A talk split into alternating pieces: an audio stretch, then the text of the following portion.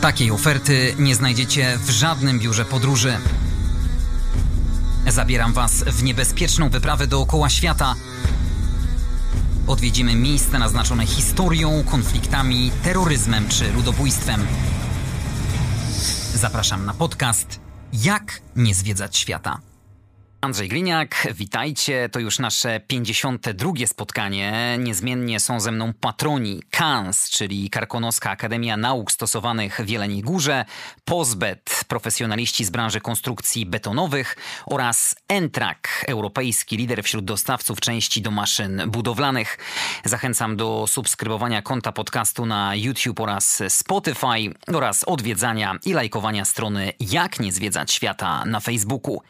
A dziś odwiedzamy odwiedzimy Czarny Ląd. Mój gość przez blisko miesiąc przemierzał Afrykę, od Maroka przez Saharę Zachodnią, Mauretanię, Senegal, aż po Gambię.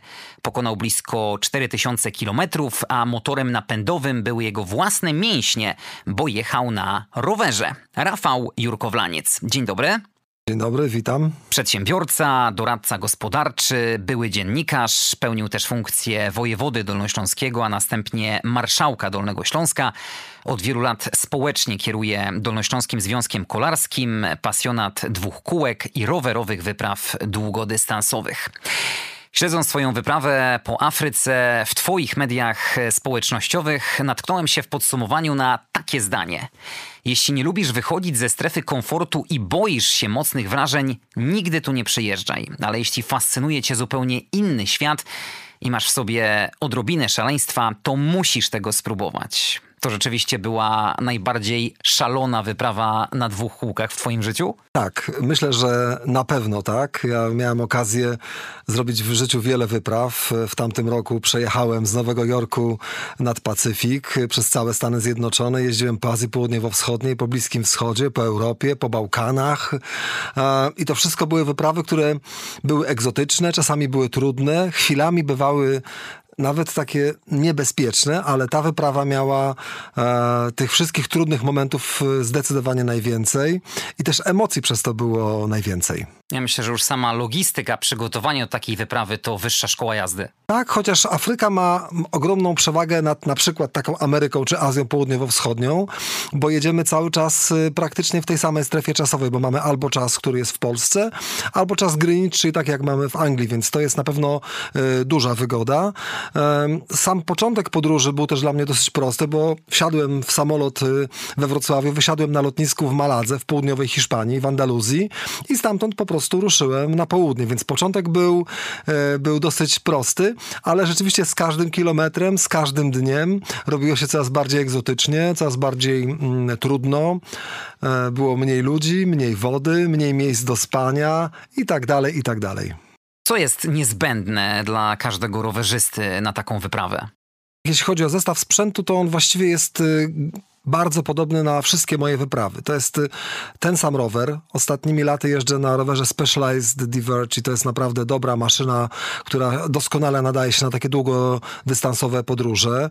Mam do tego taki zestaw bikepackingowy, czyli nie wożę klasycznych sakw na bagażnikach, tylko mam małe torby dopięte bezpośrednio do roweru. Dwie małe torby na przednim widelcu, torba na kierownicy, torba pod ramą i torba pod siodłem. I w to wszystko muszę zapakować cały swój dobytek. Ten dobytek to jest tak naprawdę minimum minimorum. Dwa komplety kolarskich ubrań, coś przeciwdeszczowego, jeden y, zestaw ubrań cywilnych, lekarstwa, serwis rowerowy, czyli jakaś dętka, klucze, łatki, skuwacz do łańcucha, smar.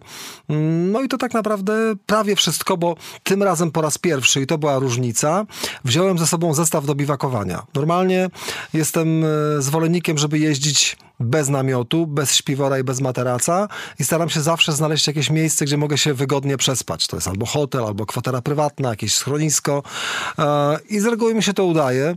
No rok temu w Stanach, kiedy jechałem przez, przez zachód tego kraju, to dwa noclegi były takie dosyć dzikie, ale jakoś udało mi się to, udało mi się to zorganizować. Natomiast tutaj, tutaj w Afryce wiedziałem, że może być ciężko i jechałem właśnie ze śpiworem, z materacem i z namiotem, ponieważ no, na Saharze, szczególnie w tej części części południowej jest rzeczywiście dosyć trudno o bezpieczne, wygodne, czy w ogóle jakiekolwiek miejsce do spania.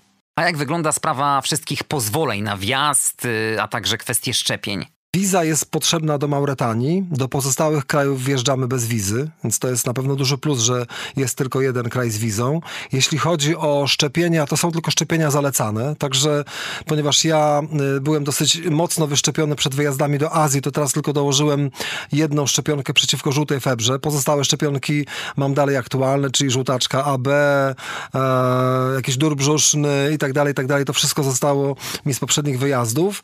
Jeśli chodzi o tę profilaktykę, to na pewno jeszcze musiałem wziąć ze sobą malaron, czyli lekarstwo, które jest przeciwko malarii. To lekarstwo trzeba brać y, zapobiegawczo w, w momencie, kiedy wjeżdża się w strefę zagrożenia malarią. Także począwszy od Mauretanii, y, byłem już na lekach, musiałem ten, musiałem ten preparat brać codziennie do śniadania. Nie miałeś obaw przed wyruszeniem w taką wymagającą wyprawę w pojedynkę? Tak, ja, ja od lat y, y, jeżdżę samotnie. Uważam, że to jest najciekawszy, najbardziej efektywny sposób y, podróżowania, zwiedzania świata. E, I dobrze się czuję w takiej formule, bo rzeczywiście sam sobie dyktuję tempo, długość odcinków. Kiedy jestem bardziej zmęczony, może to być krótszy etap. Kiedy czuję, że mam dużą moc i dobrą pogodę, potrafię jechać dalej jest to, jest, to dla mnie, jest to dla mnie dosyć wygodne, a ponieważ żyjemy w epoce, kiedy jesteśmy dosyć dobrze połączeni ze światem, bo telefony komórkowe działają prawie zawsze i prawie wszędzie, więc nie czułem też takiego dyskomfortu, że jestem zupełnie odcięty od świata. Chociaż miałem takie półtora dnia, kiedy rzeczywiście e, praktycznie prawie żadnej łączności poza satelitarną nie miałem. Afryka to miejsce, gdzie brak łączności ze światem jest zjawiskiem powszechnie spotykanym. Jak dawałeś e, na bieżąco znać swoim bliskim, że wszystko jest z tobą w porządku? Miałeś jakiś e, specjalny system komunikacji? Wszyscy ci, którzy śledzili moją wyprawę, było ich zaskakująco dużo, bo i na Instagramie, i na Facebooku, i na Twitterze miałem naprawdę duże grono osób, które jechały ze mną e, w wirtualnej rzeczywistości. Więc wszyscy ci ludzie wiedzą, że łączność była prawie cały czas. To był ogromny komfort dla mnie, bo ja starałem się praktycznie online dawać relacje z mojej wyprawy. Czyli rzeczywiście na tym Instagramie czy na Facebooku od samego rana były informacje, gdzie spałem, co się dzieje, jaka jest pogoda, gdzie jadę, e, jaka jest sytuacja na drodze i tak dalej, i tak dalej. To mi dawało takie poczucie, że mimo, że jestem bardzo daleko od domu, e, w bardzo takim specyficznym, trudnym miejscu, no to jest ta, jest ta pełna, pełna łączność, pełna komunikacja i z najbliższymi, i ze wszystkimi znajomymi. Natomiast był taki moment w południowej Mauretanii, gdzie rzeczywiście sieć komórkowa przestała działać. Tam byłem zupełnie odcięty e, od e, klasycznej łączności i tam przydał mi się e, mój zestaw satelitarny, który pozwalał mi na taką no, elementarną łączność z najbliższymi, żebym mógł potwierdzić, że jadę, że wszystko jest w porządku. To był też taki system, który mm, jest wyposażony w sygnalizator SOS. Mm, w ramach abonamentu, który płacę za to urządzenie, gdyby sytuacja wymagała akcji ratunkowej, czyli w sytuacji zagrożenia życia, mogłem użyć tego sygnalizatora i była szansa, bo to nie jest przeze mnie sprawdzone, ale tak jest w umowie, że w jakimś tam czasie e, dotarłaby do mnie ewentualna ekipa ratunkowa. No ale na szczęście wszystko było ok, nie musiałem tego używać. Jechałem cały czas zgodnie z moim planem, wszystko udało się i było ok. Czyli tak trochę nawiązując do terminologii rowerowej, to był dla ciebie taki wentyl bezpieczeństwa, ten przycisk SOS. Ale dotknąłeś ważnej rzeczy. Na takiej wyprawie, poza wspaniałą przygodą i romantycznym zwiedzaniem świata, trzeba mieć e, głowę na karku i twardo stąpać po ziemi i takich bezpieczników trzeba mieć kilka. Jednym był ten system, e, system e, Iridium, system satelitarny, który rzeczywiście na wszelki wypadek dawał mi możliwość łączności. Drugą była e, bardzo solidna polisa e, ubezpieczeniowa, którą sobie przygotowałem w razie czego, e, gdybym wylądował tam w jakimś szpitalu, żebym mógł być otoczony naprawdę solidną opieką e, medyczną. E, trzecią było to, że przygotowałem sobie naprawdę profesjonalny zestaw lekarstw e, na wszystkie możliwe kontuzje, choroby, zakażenia, zatrucia. To na każdej mojej wyprawie jest, jest ze mną. No i wreszcie czwarta, ta, o której wspomnieliśmy wcześniej, czyli byłem wyszczepiony i w rejonie, który był zagrożony malarią, byłem na tych lekach przeciwmalarycznych. To bardzo ważne, nie wolno o tym zapominać, bo czasami się mówi, a nie wykupił ubezpieczenia, ja tu zaoszczędzę coś tam, wezmę mało lekarstw, bo coś tam, a potem się okazuje, że, że nadchodzi ten trudny moment, który Bogu dzięki u mnie nie nadszedł i może być problem. Zdecydowałeś się na wyprawę do Afryki w okresie zimowym. To był słuszny wybór?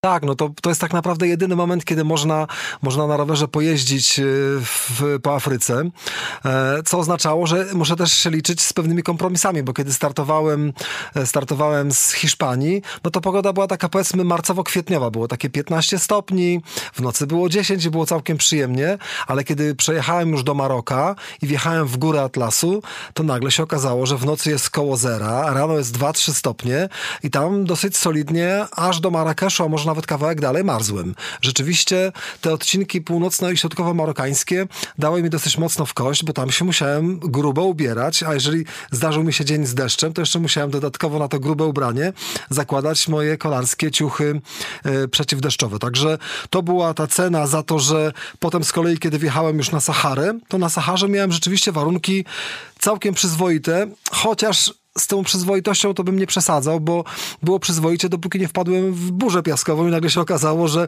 warunki są ekstremalnie trudne i właściwie no nie da się jechać, mówiąc wprost no była to rzeczywiście sytuacja, sytuacja była, była kompletnie szalona, bo, bo nagle zorientowałem się, że jadę po płaskim e, w takiej żółtej mgle, bo burza piaskowa z bliska wygląda jak żółta mgła, mam widoczność 100 metrów, a na moim liczniku na rowerze jest 83 km na godzinę, także, także tylko dlatego e, przemieszczałem się, że wiatr wiał mi w plecy. W momencie, gdyby droga skręcała, a po 20 km musiała skręcić o 90 stopni, no to jazda była niemożliwa. Wtedy, kiedy dojechałem do tych rogatek, gdzie droga zakręcała, tam był patrol policji, który po prostu zwinął mnie z tej drogi. Oni powiedzieli, że mam natychmiast się stąd zabierać i jechać do najbliższego, najbliższej osady i tam szukać noclegu, no bo jazda zagraża życiu. Także rzeczywiście tego dnia pobiłem swój rekord prędkości, ale to był bardzo krótki etap. Potem wylądowałem w hotelu. Czekałem, czekałem na tej Saharze na poprawę pogody i co najśmieszniejsze, poprawa pogody polegała na tym, że na drugi dzień już nie wiało tak mocno, ale lało. A to oznaczało, że saharyjskie drogi zamieniły się w rzeki, no bo Sahara z reguły jest sucha, więc jeżeli tam jest sucho, to tam nie ma jakiegoś specjalnego systemu y, drenażu przy drogach, nie ma rowów irygacyjnych, nie ma niczego takiego, tylko po prostu jest droga. I w momencie, kiedy całą noc lał deszcz y, i padał jeszcze rano, no to kiedy ja wyszedłem na rower y, po takim późnym śniadaniu, nagle się okazało, że w korycie drogi po prostu płynie rzeka i mam mniej więcej tak do połowy, do jednej trzeciej koła wodę. I dopóki jechałem tą drogą sam, to jest wszystko ok. Da się jechać taką drogą, chociaż jest trochę strach, bo nie widać jaka jest nawierzchnia. Natomiast kiedy z naprzeciwka jechał tir, no to zaczęło się robić niefajnie, bo to i fala, która powstaje e, pod wpływem jego ruchu jest kłopotliwa, a wszystkim te takie żółte błocko, które pryska spod kół, no powoduje, że jest tak sobie, tak sobie mało przyjemnie. Swoją podróż po Afryce rozpocząłeś od Europy. Na początek wylądowałeś w hiszpańskiej Maladze. Skąd ten pomysł? Chciałem mieć takie poczucie, że smakuje tę Afrykę od samego początku, czyli e, chciałem dojechać nad Cieśninę Gibraltarską, wsiąść na prom, przepłynąć promem na drugą stronę i począwszy e, od tego pierwszego, pierwszego miejsca, e, pierwszego miejsca, czyli od Tangeru, posuwam się na południe. Także to, to, było, to było z tego względu i myślę, że to był całkiem fajny pomysł, bo dzięki temu widziałem, jak ta Afryka zmienia się z każdym kilometrem, z każdym dniem. Afryka na północy, tam w Tangerze, bardzo przypomina południową Hiszpanię. Wiadomo, że jest już inna kultura, no bo tutaj y, jest, no, w Hiszpanii jest katolicy, Hiszpania jest katolicka, Maroko jest islamskie, więc czuć te, te, te pewne, pewne różnice kulturowe, natomiast generalnie ta różnica nie jest jakoś y, bardzo duża, ale wystarczyło dzień, dwa jazdy na południe i zrobiło się kompletnie egzotycznie i ta egzotyka powiększała się tak naprawdę z dnia na dzień, chociaż muszę powiedzieć, że północne Maroko jest naprawdę bardzo mocno jakby to powiedzieć, zindustrializowane. Tam są nowoczesne drogi. Ja jeździłem tymi bocznymi, więc nie miałem tej przyjemności, żeby jechać tymi komfortowymi, ale, ale widziałem te drogi. Tam jeździ TGV, dużo szybsze niż nasze pociągi tutaj w Polsce. Także widać, że sporo się tam zainwestowało i sporo się tam dzieje, ale jednak każdy kilometr jazdy na południe powodował, że ta egzotyka e, wzrastała. No i co tutaj dużo mówić, było też coraz biedniej, coraz bardziej tak, e, tak e, no ubogo. Jak wyglądał Twój plan wyprawy? Sprawa była dosyć prosta, bo kiedy jedzie się na południe, to jeszcze w samym Maroku, w tej północnej części kraju, można wybierać kilka wariantów. Ja wybrałem taki, że pojechałem do stolicy kraju, do Rabatu, potem chciałem zobaczyć Casablankę, e, potem chciałem odwiedzić Marrakesz, w którym kiedyś byłem, ale teraz chciałem zobaczyć go z, z roweru, e, potem e, chciałem zobaczyć Agadir i tutaj te możliwości były. Mogłem tutaj tą trasą nieco, nieco że tak powiem, e, manipulować w lewo lub w prawo, na wschód lub na zachód, natomiast począwszy od Agadiru nie ma żadnej opcji. Jest jedna droga i po prostu tą drogą zjeżdża się na południe, na południe Afryki. Także tam już, tam już właściwie jest tylko jeden szlak, który można, można pojechać. Jednym z ciekawszych miejsc, które odwiedziłeś, była Sahara Zachodnia. To jest państwo tak zwane nieuznawane. Sahara uznaje tylko 50 państw. Jest to terytorium o nieustalonym statusie międzynarodowym, które Maroko traktuje jako integralną część kraju. Ta skomplikowana sytuacja powoduje, że Ministerstwo Spraw Zagranicznych odradza polskim turystom wizytę w tym rejonie. Tak, rzeczywiście, rzeczywiście MSZ odradza, e, odradza podróże na teren Sahary Zachodniej. No, z punktu widzenia turysty sytuacja jest dosyć, dosyć komfortowa, ponieważ na tym terenie e, jest administracja marokańska, więc działa marokańska karta SIM, jest pełna łączność komórkowa. Można płacić marokańskimi, marokańskimi e, pieniędzmi, dirhamami, także jedzie się ok. E, jest dosyć dużo posterunków policji i wojska, ale znowu jako turysta rowerowy w ogóle nie byłem przez nich zatrzymywany. Przepuszczali mnie praktycznie widząc, że jestem turystą i tylko machali ręką, żebym, żebym jechał dalej. Także, także nie, było to, nie było tutaj praktycznie żadnej uciążliwości. To jest bardzo specyficzny, specyficzny obszar, ponieważ tam jest y, E, mało ludzi, bardzo mało miast. E, głównie widzi się po prostu po prawej stronie wybrzeże mm, oceanu, po lewej stronie pustynię i to wszystko. Czasami mija się jakąś osadę. No byłem w tej nieformalnej stolicy mm, Sahary Zachodniej, czyli Welujun. Piękne miasto, takie rzeczywiście zielone, e, takie młode miasto, dobrze, dobrze, dobrze się prezentujące, a poza tym to były właśnie jakieś małe miasteczka, osady. Tym, co widzi się najczęściej jadąc przez Saharę zachodnią są przekaźniki telefonii komórkowej. One są rzeczywiście z regularnością co 4-5 kilometrów y, poustawiane przy, przy tej głównej drodze. Łatwo można je namierzyć nawet y, nie patrząc, dlatego że każdy jest wyposażony w wielki agregat dieslowski, ponieważ tam nie ma prądu y, i one są napędzane, napędzane agregatami dieslowskimi i, i zapewniają łączność komórkową również na pustyni. Miałeś okazję na swojej drodze spotkać partyzantów z Polisario to jest wojskowa i polityczna organizacja niepodległościowa właśnie w Saharze Zachodniej, która przez Maroko i niektóre państwa uznawana jest jako ugrupowanie terrorystyczne. Nie miałem, nie miałem takiej sytuacji, natomiast rzeczywiście był taki moment, kiedy, kiedy, no, kiedy czułem się dosyć niepewnie. To był moment, kiedy opuszczałem, opuszczałem granice kontrolowane przez e, Maroko i jechałem w kierunku Mauretanii. Tam jest tak, że kończą się posterunki e, marokańskie i, i przez trzy kilometry jest pas ziemi niczyjej. I tam rzeczywiście dosłownie za ostatnimi rogatkami marokańskimi urywa się asfalt. Jest taka półmetrowa przepaść i po prostu jedzie się, jedzie się po pustyni.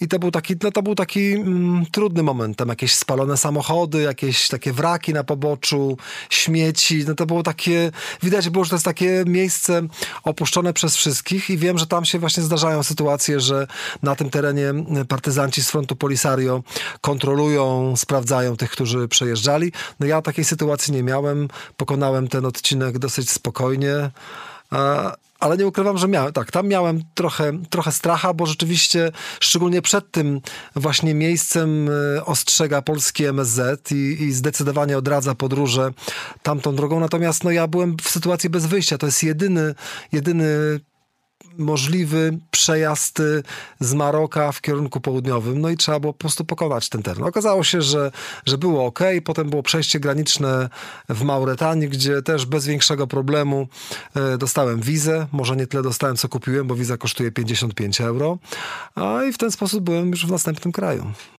Wraki spalonych samochodów porozrzucane po obu stronach piaszczystej drogi i liczne znaki ostrzegające przed minami robią wrażenie?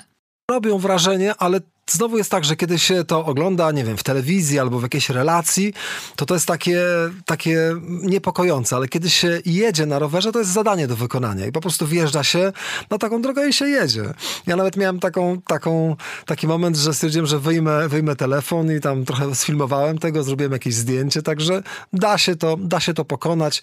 Zrobiłem tak, no, no bo nie było nikogo. Jeżeli było rzeczywiście pusto, no to pozwoliłem sobie na takie, na takie udokumentowanie tego e, kawałka mojej, e, mojej wyprawy.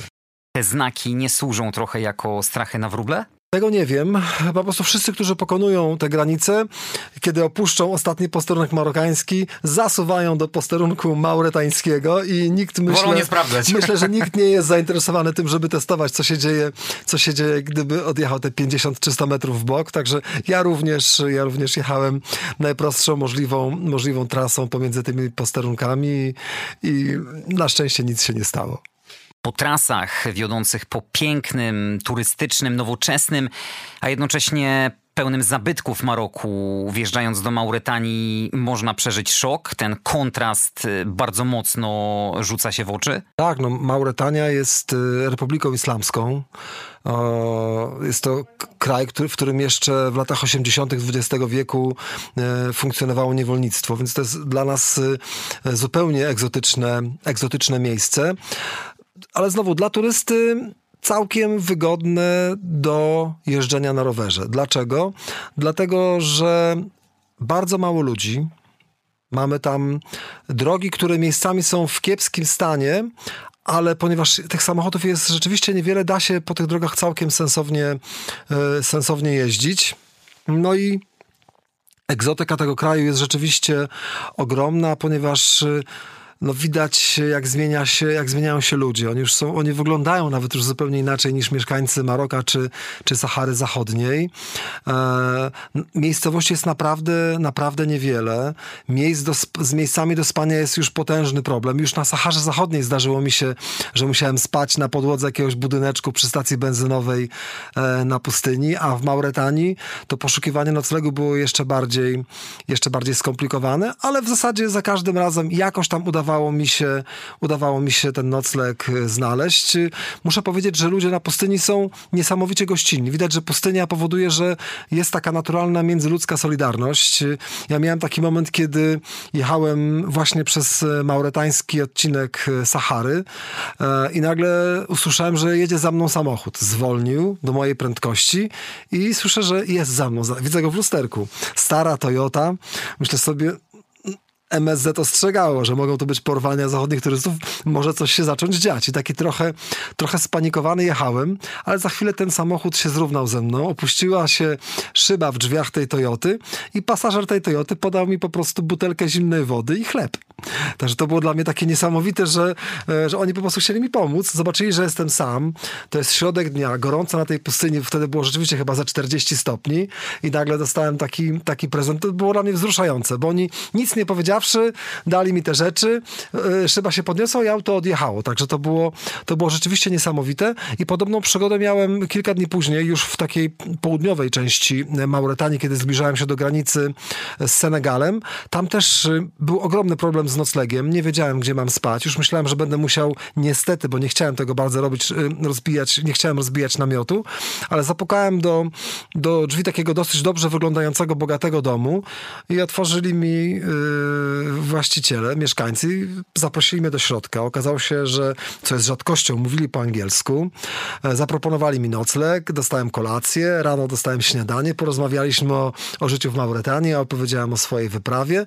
Także było niesamowicie i to oczywiście to zaproszenie było e, rzecz jasna bezpłatne, także to też było takie bardzo, bardzo miłe, że chcieli mnie ugościć i rzeczywiście byłem takim nie gościem komercyjnym, tylko gościem, dlatego że wędruję przez, przez pustynię. Naprawdę taka, taka piękna przygoda e, i też taka możliwość, żeby, żeby poznać tę kulturę, bo porozmawialiśmy właśnie o tym, jak się tam żyje, jakie oni mają perspektywy, jak to wygląda z ich punktu widzenia, jak świat wygląda z naszej europejskiej perspektywy bardzo takim mocnym wątkiem, który poruszali, były kwestie wiary. Widać, że ten islam jest tam niezmiernie istotny, bo ten temat wracał. Szczególnie, szczególnie syn moich gospodarzy e, o to mocno dopytywał. Widać było, że dla niego jest to, jest to ważne. Także bardzo ciekawa, bardzo ciekawy kraj e, i bardzo też specyficzna e, stolica. Nawakrzut jest miastem, które jest, ma bardzo krótką historię, bo to miasto... Jedna z najmłodszych stolic. Tak, ono powstało jakieś 100 lat temu, to było na początku tylko studnia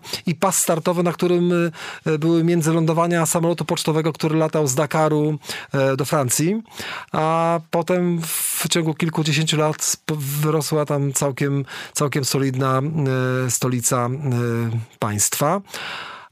Piękne miasto, które zawsze będę pamiętał, dlatego że no to był najdłuższy etap mojej wyprawy. Miałem tego dnia zrobić 150 kilometrów, spać gdzieś na pustyni, żeby następnego dnia zrobić kolejny stoj, dojechać do, do właśnie stolicy Mauretanii. Ale jak zobaczyłem miejsce, w którym mam spać, taką wiatę e, gdzieś tam właśnie na, na kompletnym odludziu, to stwierdziłem, że dojadę te 100 kilometrów jeszcze i będę spał już w Nawakrzut w normalnym hotelu. No i tak mi się udało. Była dobra pogoda, e, był niezły wiatr, więc to też trochę mi pomagało i tego dnia zrobiłem ponad 250 kilometrów i późnym wieczorem zameldowałem się w stolicy Mauretanii, wynająłem sobie po pokój w hotelu i miałem frajdę, że śpię w dobrych warunkach. Jak wygląda takie mauretańskie mieszkanie? No zupełnie inaczej niż, e, niż to, co, to, co widzimy e, w Europie, czy nawet w północnej Afryce. To jest tak, że jest, e, od razu podkreślam, to był bardzo bogaty dom.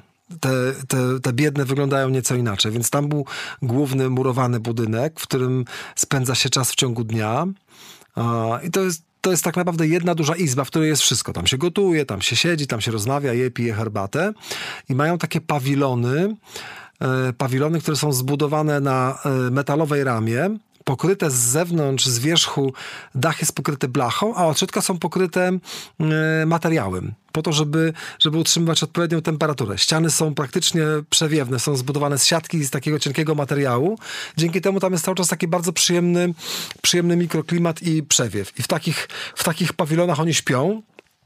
I taki pawilon też dostałem dla siebie do, e, do zanocowania. I muszę powiedzieć, że to było rzeczywiście bardzo wygodne spanie. On jest, on jest cały wyłożony w środku dywanem, są, dostałem materac, dostałem koce, poduszkę, także bardzo mi się tam, mi się tam przyjemnie spało, ale to podkreślam, to jest dom ludzi bogatych, bo, bo widziałem też, e, zdarzyło mi się tam zajechać, kiedy szukałem noclegu do takiego biednego domu, to jest po prostu z reguły jedna izba, e, w której no, koncentruje się całe życie. I to wygląda naprawdę bardzo, bardzo bardzo skromnie.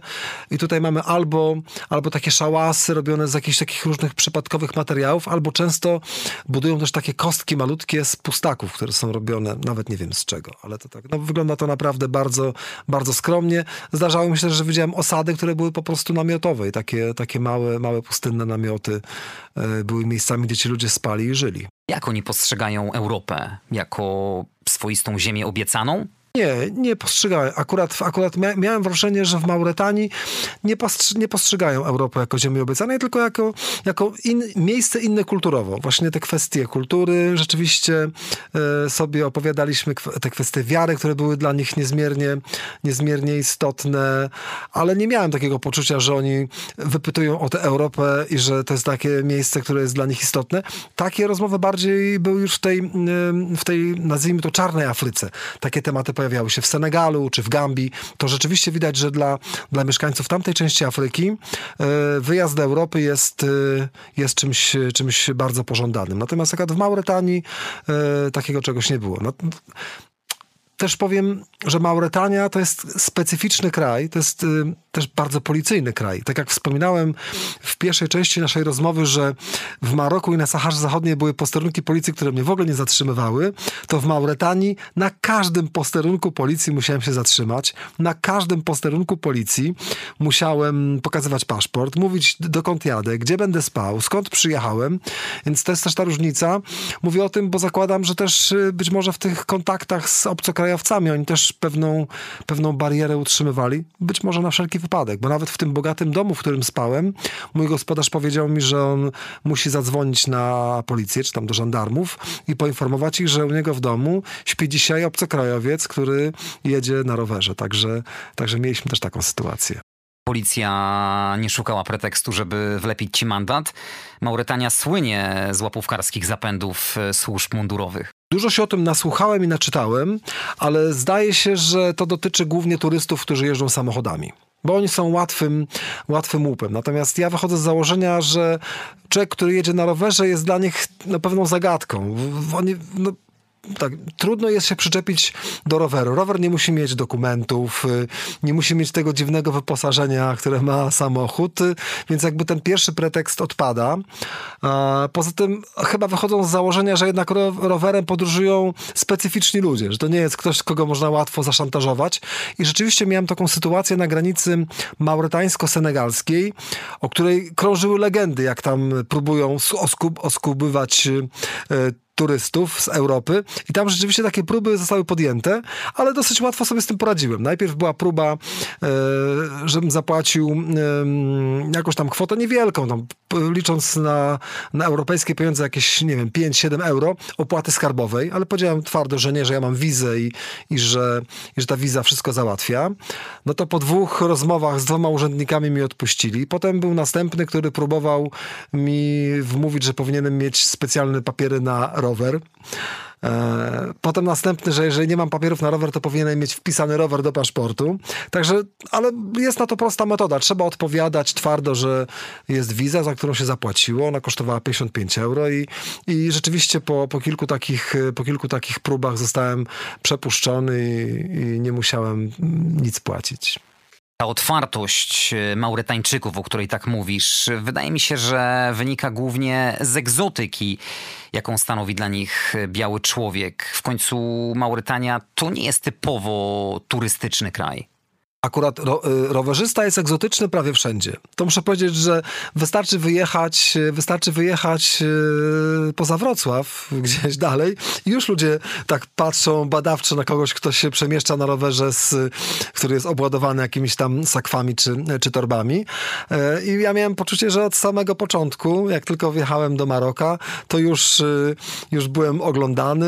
Przez dzieciaki byłem często tam mocniej obserwowany. Dzieci tam biegały, krzyczały yy, chciał sobie robić zdjęcia, także taka egzotyka e, jest, rowerzysta jest egzotyczny praktycznie wszędzie i cały czas. Kolejnym punktem twojej wyprawy był Senegal. No tak, to jest, to jest kompletna zmiana i rzeczywiście to już, to już można powiedzieć, że wjeżdżamy do takiej prawdziwej e, czarnej Afryki i, i różnica jest, no jest kolosalna. Rzeczywiście mm, pierwsze, co się zmieniło, no to ludzie inaczej wyglądają, to jest oczywiste. Drugie, że nagle zrobiło się tych ludzi bardzo dużo. Już nie było pustych przestrzeni tak, jak były, tak jak było w Mauretanii. Ja też miałem taką specyficzną sytuację, bo do, do granicy mauretańsko-senegalskiej jechałem przez Park Narodowy, bo to była najkrótsza trasa jechałem kompletnym bezdrożem. Także, także była to trudna trasa, ale za to miałem okazję e, zobaczyć e, biegające na żywo guźce, więc miałem, była taka nagroda za tą ciężką drogę. Ale wracając do, do, do meritum. E, w Senegalu nagle zrobiło się bardzo dużo ludzi. E, osada za osadą, wieś za wsią, miasteczko za miasteczkiem. Czyli dobre drogi, ale mnóstwo ludzi, coraz więcej samochodów i to było, to było, to było pierwsze. A drugie to jednak czuje się taką ogromną różnicę kulturową między, między tymi krajami, mm, które są na północ, e, od Senegalu, a tym, co dzieje się od Senegalu w dół. Jest, jest, jest ogromna różnica, to jest wyczuwalne, ale jest też zupełnie inaczej. Robi się bardzo kolorowo. E, niby Senegal, podobnie zresztą jak Gambia, jest, jest krajem e, muzułmańskim, ale pojawiają się pięknie, kolorowo ubrani ludzie, szczególnie kobiety są rzeczywiście e, ubrane w fantastyczne, kolorowe stroje. To jest bardzo fotogeniczne, więc cały czas chciałem robić zdjęcia, filmować, bo to rzeczywiście jest, jest bardzo, bardzo atrakcyjne. Dzieci są bardzo spontaniczne, e, biegną za rowerem, krzyczą. To też jest takie, takie, takie intensywne, bo takie rzeczy zdarzały mi się w Maroku, na Saharze, czy też w Mauretanii, ale już w Senegalu, no to było naprawdę na taką bardzo, bardzo dużą skalę, w takim dużym, e, dużym natężeniu. No i kraj robi się zielony. Już, już właściwie nie ma pustyni. E, począwszy od rzeki, e, od rzeki granicznej, od rzeki Senegal, robi się naprawdę zielono. Pojawiły się, pojawiły się pierwsze baobaby, które są niezmiernie atrakcyjne, wyglądają niesamowicie i, i co chwila chciałem się zatrzymywać, robić sobie zdjęcia z tymi z tymi baobabami. I rzeczywiście rzeczywiście no, jesteśmy w takiej prawdziwej Afryce. Także można powiedzieć, że ten pierwszy etap saharyjski e, to była taka jazda, jazda pustynna, a potem nagle przekraczamy rzekę Senegal i jest taka prawdziwa czarna Afryka. To, co znamy, to, co znamy z filmów, e, które oglądamy na BBC, to, co znamy, nie wiem, ze, ze szkoły, z geografii, tam jest rzeczywiście na żywo. Czyli już nie Sahara, tylko taka klasyczna czarna Afryka. Piękne drzewa, roślinność, e, no robi to ogromne wrażenie i, i czuje się, że jest się w zupełnie innym miejscu. W Senegalu też miałeś okazję rozmawiać z tubylcami? Jacy to są ludzie? Oj, są bardzo, bardzo pogodni, e, sympatyczni. No, pewnym problemem jest bariera językowa, ponieważ większość z nich mówi tylko po francusku, pomijając oczywiście lokalny język. E, więc, więc osób, które znały angielski było stosunkowo niewiele, ale dało się, dało się porozmawiać. Miałem też okazję, kiedy byłem w Dakarze, spotkać się z polskim ambasadorem. Zaprosił mnie tam do siebie z, pracownikami ambasady. Potem wieczorem zaprosił mnie e, Polak, który na stałe mieszka w Dakarze i prowadzi tam drużynę amp, futbol, amp futbolu, więc też opowiadał mi o tym, jak się żyje, jak się żyje Polakowi e, w Dakarze, w Senegalu. To bardzo ciekawe opowieści też dużo dały mi do myślenia. Właśnie oni jakby narysowali mi całe to tło, jak wygląda, jak wygląda życie w Senegalu yy, i w Dakarze. Ostatnim punktem twojej wyprawy była Gambia. Tak, Gambia. E, Gambia to jest tak naprawdę coś takiego jak Senegal, jak spojrzycie na mapę, to będziecie wiedzieli dlaczego. Po prostu Gambia jest y, niejako kawałkiem, kawałkiem Senegalu na, wzdłuż rzeki Gambia. Różni się przede wszystkim tym, że ponieważ y, Senegal był kiedyś kolonią francuską, a Gambia kolonią brytyjską, to w Gambii bez większego problemu dogadamy się po angielsku, więc dla mnie była to wielka ulga. Wreszcie mogę powiedzieć, uff, mogę się normalnie komunikować z, z mieszkańcami. Natomiast cała reszta jest bardzo podobna. Podobny krajobraz, podobne drogi, e, mieszkańcy o podobnym temperamencie, e, bardzo podobna kuchnia, także to wszystko było rzeczywiście, rzeczywiście takie same, e, ale myślę, że to był dobry, dobry pomysł, żeby właśnie w tym, w tym miejscu zakończyć wyprawę, e, ponieważ raz, że miałem ten komfort kontaktu, bezproblemowego kontaktu z mieszkańcami Gambii, a dwa, że w stolicy Gambii, w Banjulu, trafiłem do polskiego pensjonatu, który prowadzi polsko-gambijskie małżeństwo i to było bardzo przyjemne przyjemne, bo po tym miesiącu jazdy przez Afrykę trafiłem w miejsce, gdzie mogłem sobie spokojnie porozmawiać po polsku, gdzie, gdzie yy, pani, która była gospodynią i jej goście e, wzięli sobie za punkt honoru, żeby się, żeby się mną zaopiekować, pomóc mi spakować rower przed wylotem do Polski, a nie było to łatwe, żeby mi pokazać e, atrakcje w Banjulu, także było to rzeczywiście e, bardzo, bardzo przyjemne. A mówię o tym, że pomogli mi w zapakowaniu roweru, bo to się okazało w Afryce wielkim wyzwaniem. Kiedy ja jeżdżę po świecie i wracam z jakiegoś egzotycznego miejsca do Polski, no to z reguły upatruję sobie jakiś sklep rowerowy, idę do, do, do tego sklepu rowerowego, rowerowego i najczęściej dostaję za darmo karton rowerowy albo płacę 10 dolarów za spakowanie roweru i w pakiecie dostaję ten, ten karton na rower. Ale okazało się, że w Afryce nie ma czegoś takiego jak kartony na rowery, bo tam nikt nie kupuje nowych rowerów. Rowery jak przyjeżdżają, to w wielkim kontenerze z Europy upchnięte, no bo to są rowery używane. Więc, y, więc ktoś tam, na, jest taka specjalna grupa podróżnicza na WhatsAppie, której jestem członkiem. To jest grupa międzynarodowa, w której wymieniają się uwagami ci podróżnicy rowerowi, którzy są w Afryce Zachodniej i Północnej. E, I oni mi poradzili, od razu mi powiedzieli, na, rower, na karton rowerowy nie licz, ale jest szansa na karton po telewizorze. Okazało się w Banjulu, że tam też się nie kupuje nowych telewizorów, też przyjeżdżają używane z Europy, więc musiałem sobie to wybić z głowy. No i ostatecznie e, bardzo przedsiębiorczy pracownicy pani Gosi, która była właścicielką pensjonatu, objechali okoliczne markety i sklepy i udało im się zdobyć trzy małe pudełka kartonowe. Po herbacie, po chipsach i po jakimś proszku do prania. Ja z tych trzech pudełek skonstruowałem po prostu pudło, w które udało mi się jakoś spakować, spakować rower i dzięki Bogu doleciał w całości do, e, do Polski. Co ciekawego można zobaczyć w Gambii? Trzeba zobaczyć port, targ rybny. To, są, to jest niesamowite. Myślę, że w większości tych państw, jeżeli uda wam się trafić na, na targ rybny i do portu, no to jest tak kolorowe, tak mocne doznanie. To samo widziałem w, w stolicy Mauretanii, w Nawakrzut, to samo jest w Dakarze. Tam to tętni życiem, to pachnie, tam się, tam się dzieje cały ten lokalny wielki biznes. To rzeczywiście e, miejsce, które trzeba zobaczyć, trzeba przeżyć. Ja tam nie tylko byłem w porcie oglądać, ale tam pojechaliśmy razem z innym, e, z innym lokatorem tego pensjonatu. Pojechaliśmy kupić ryby na obiad, także potargowaliśmy się. Było to rzeczywiście takie, takie fajne, że mogliśmy być nie tylko tylko obserwatorami, ale też y, no, uczestniczyć w całej tej, e, w całej tej zabawie, w, w kupowanie ryb.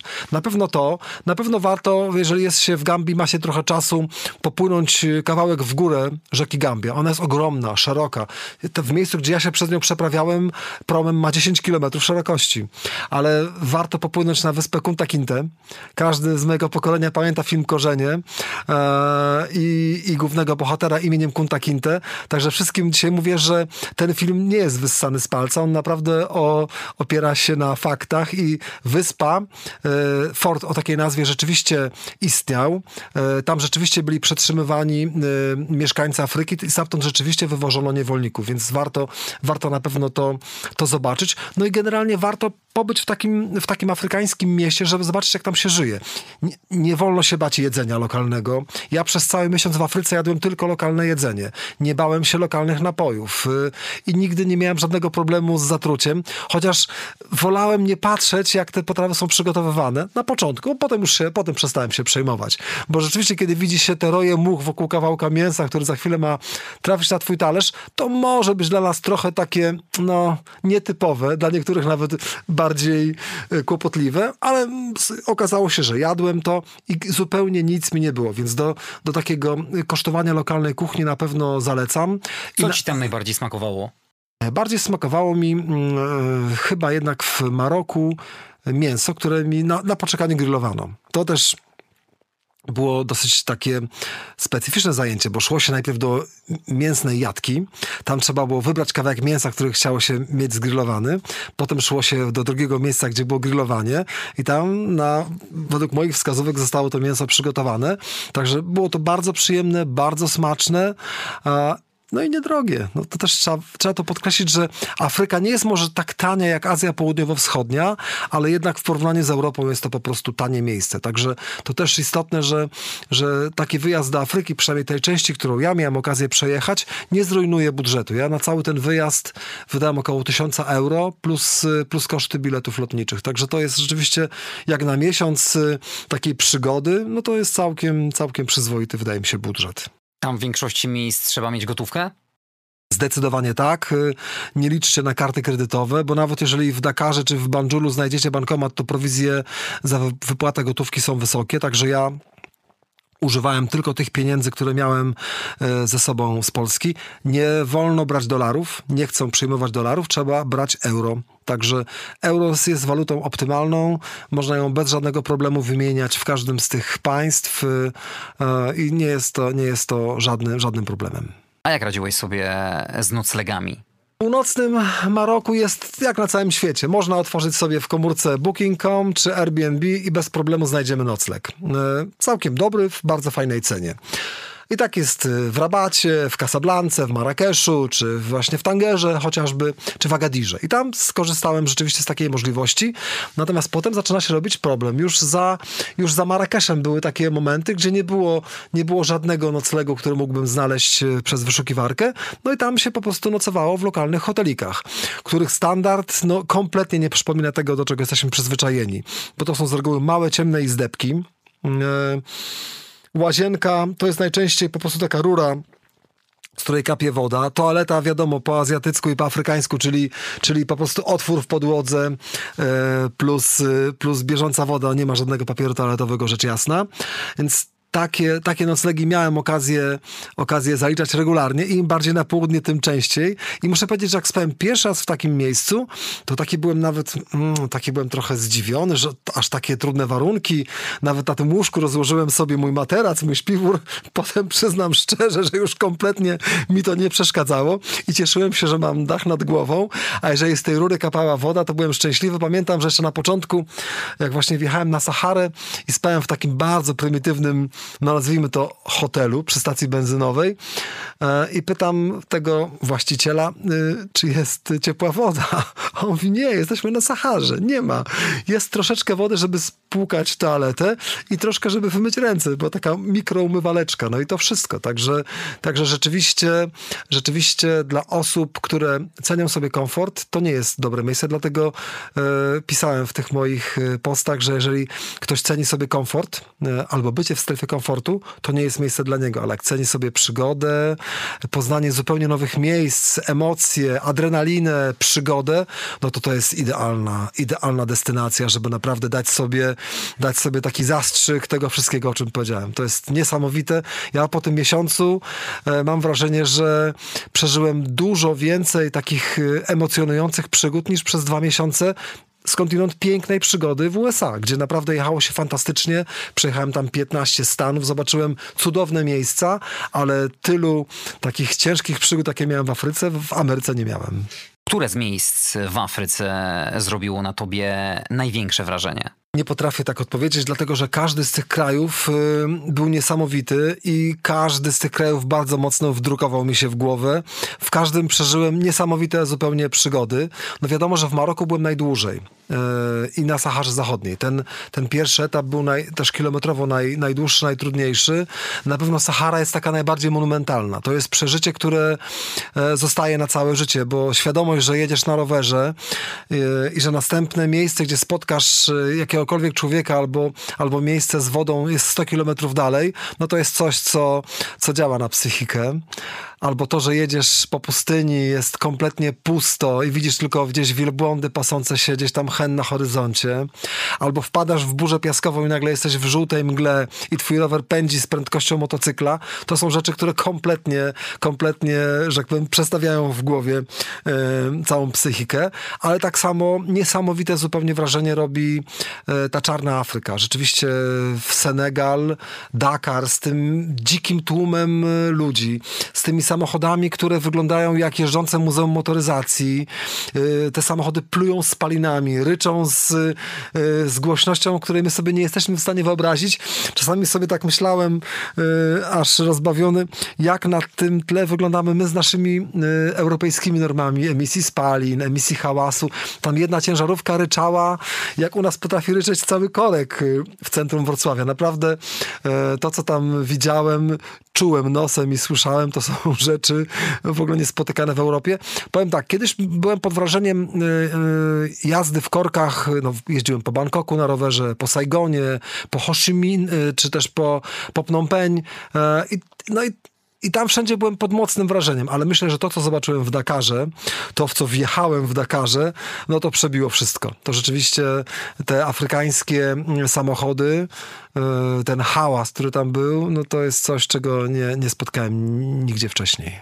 Podczas całej wyprawy czułeś się bezpiecznie? To jest, to jest bardzo to jest bardzo trudne pytanie, co to znaczy bezpieczny, bo ja w zasadzie przez całą podróż y, czułem się, czułem się bezpiecznie, bo nigdy żaden człowiek nie był wobec mnie agresywny, nikt nie chciał mnie napaść, okraść, y, ale były momenty, kiedy czułem się zagrożony. Tak wspominałem wcześniej, takim momentem zagrożenia była burza piaskowa na Saharze. Miałem moment, kiedy jechałem przez Saharę i zaczęła się kończyć woda i wiedziałem, że jeżeli w ciągu najbliższych 20-30 kilometrów nie będzie żadnego miejsca, gdzie wodę znajdę, będę miał problem.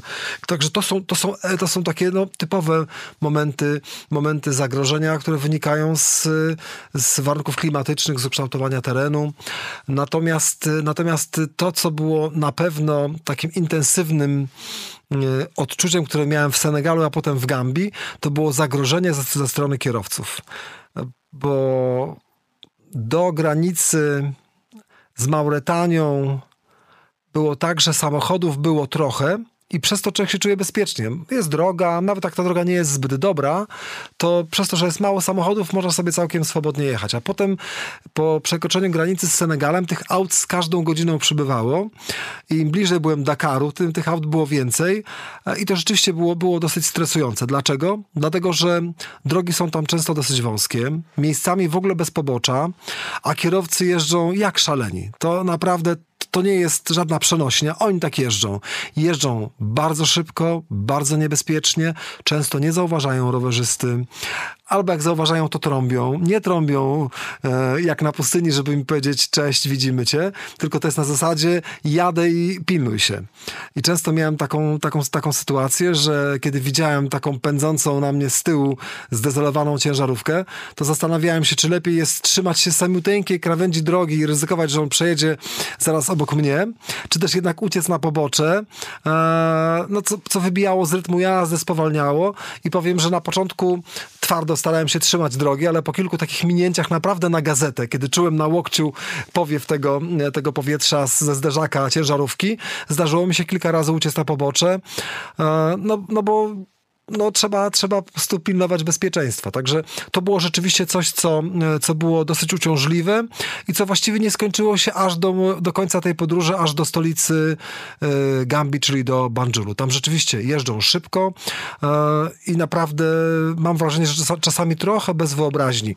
Zresztą proszę sobie wyobrazić, że tych krajach bardzo często spotykamy e, progi zwalniające, takie często progi własnej roboty, robione przez, e, produkowane przez mieszkańców. One są bardzo strome i to jest jedyny sposób, żeby kierowców zmusić tam do zwalniania, bo oni pędzą, pędzą jak szaleni e, i kiedy jest miejscowość, to właśnie są takie progi i na tych progach rzeczywiście kiedyś na taki próg wjechałem i nie zwolniłem, no to aż mi bidon wyleciał z roweru. To rzeczywiście to pokazuje, jak, jak, jak tutaj, jak, jak stromy jest ten, jest ten próg zwalniający. Także to też taka, to pokazuje, pokazuje jaki tam też na miejscu mają mieszkańcy problem z e, kierowcami. Tylko w ten sposób da się ich jakoś okiełznać. A zagrożenia ze strony choćby dzikich zwierząt? Miałeś jakieś mm, spotkanie? Nie, nie, dlatego że w tej części Afryki, no powiem tak, najczęściej spotykanym zwierzęciem w Afryce, tutaj rozczaruję, wszystkich jest koza. Kuz jest mnóstwo. Od samego początku, już w Hiszpanii jest ich sporo, w Andaluzji, a potem, kiedy przepływamy przez, Gibral, przez Cieśninę Gibraltarską, no to już w Maroku jest ich mnóstwo. Naprawdę mnóstwo i to się, i tak samo jest potem przez całą Saharę Zachodnią, e, i Mauretanię, i Senegal, i Gambię. Osłów jest mnóstwo. E, na pustyni są wielbłądy, e, które też są, no, kompletnie nie, nie, nieszkodliwe dla nas. Potem pojawiły się guźce, Czasami są jakieś krowy, e, i to wszystko. Także nie ma, nie ma tam problemu dzikich zwierząt. W tej części Afryki nie, nie, nie, nie ma szans, żeby spotkać dzikiego lwa czy tygrysa. Tam pod tym względem jest raczej bezpiecznie. To, przed czym trzeba się, trzeba się pilnować, to rzeczywiście na terenie Sahary występują mm, skorpiony. Mm, i na terenie, i na terenie Gambii można zarazić się różnego rodzaju pasożytami, które później no, utrudniają życie mm, osobie zarażonej. Natomiast takiego spektakularnego ataku dzikiego zwierzęcia tam raczej się nie spodziewałem, no i nie było. Spotkało cię coś nieprzyjemnego ze strony tubylców? Tak, zdarzyło mi się, dwa, że dwa razy dzieciaki obrzuciły mnie kamieniami. E, raz chciały mi wsadzić patyk w szprychy. Jakim to kraju? E, to było, raz taki incydent był w, no, przy, jeszcze w Mauretanii i dwa razy w Senegalu. W Gambii już nie, ale, ale to było absolutnie, absolutnie Oni to traktowali jako żart? Jako chyba, zabawę? Chyba tak, bo w większości jednak te dzieciaki za mną biegały, krzyczały za mną tubab, tubab to oznacza biały, także, e, także było to, nie było tam jakichś takich, jakichś takich objawów agresji. E, raczej powiedziałbym, że takiej życzliwości, takiego, takiego zdziwienia, zainteresowania nie było źle, nie było. Mówię, te incydenty były, no były, ale traktuję je bardzo niegroźnie. E, myślę, że większym zagrożeniem były psy, które były w Maroku, w południowym Maroku i na Saharze. I to rzeczywiście było coś, co, co, co mnie stresowało, bo bo na Saharze te psy nie atakują pojedynczo, tylko są w watachach. I to są często trzy, cztery psy i to już jest problem.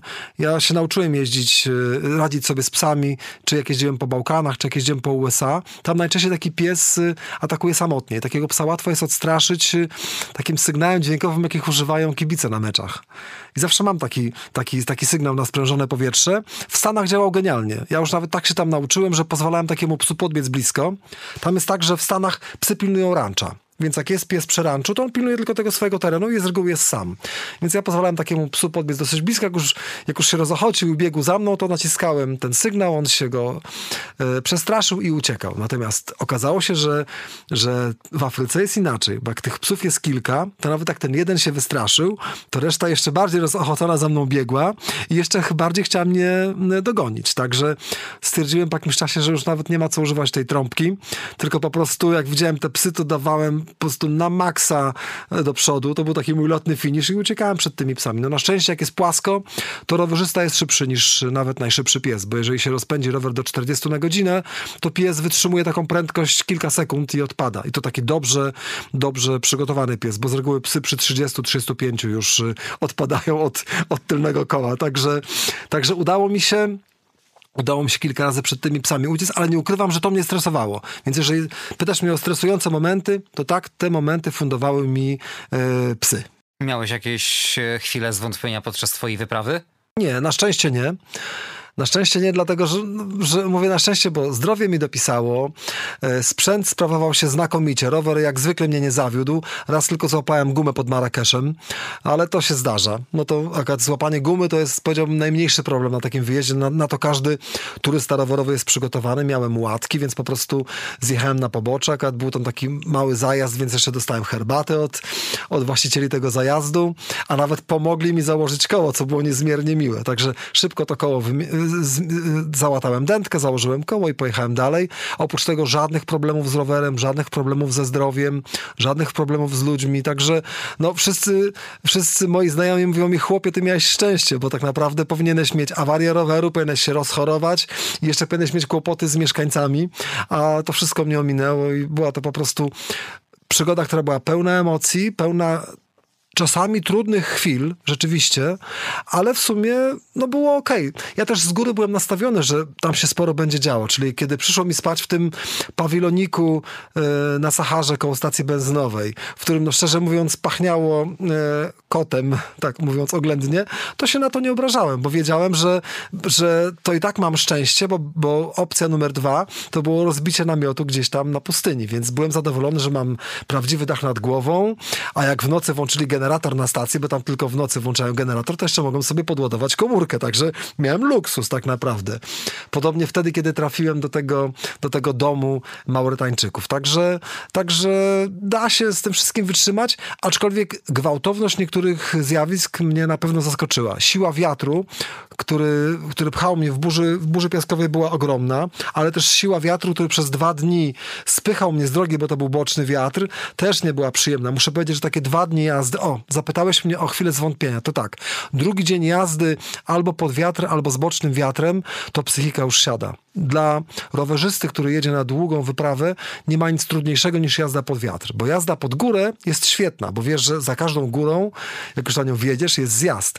A jak jedziesz pod wiatr, albo wiatr jest z boku, to, to ten wyrok jest, y, wyrok jest tylko w jedną stronę, że jest trudno i może być jeszcze trudniej. Natomiast pamiętam taki dzień, kiedy wystartowałem rano, to było, to było właśnie na Saharze. I rano miałem wiatr, wiatr taki bok, boczny z przodu. Jechało mi się bardzo źle. I nagle po 30 kilometrach, już to widziałem z mapy, droga miała skręcić o 90 stopni. I ten wiatr, który mi przeszkadzał, miał mi przez następne 140 kilometrów pomagać. I rzeczywiście skręciłem i nagle ten wiatr, który był moim największym wrogiem, który kompletnie rujnował moją psychikę, stał się moim przyjacielem, moim motorem. I wtedy rzeczywiście, no to wtedy się jedzie jak na skrzydłach, bo czujesz, że pedałujesz i jeszcze ci pomaga ten wiatr, no to jest genialne uczucie. Także to wszystkim, którzy jeżdżą na rowerze, zawsze szczerze życzę tego wiatru w plecy, a na pewno im nie życzę wiatru w twarz, bo, albo szczególnie tego bocznego, no bo to strasznie, strasznie przeszkadza. Podczas każdej wyprawy potrzebna jest odrobina szczęścia. Tobie na czarnym lądzie też niebiosa sprzyjały.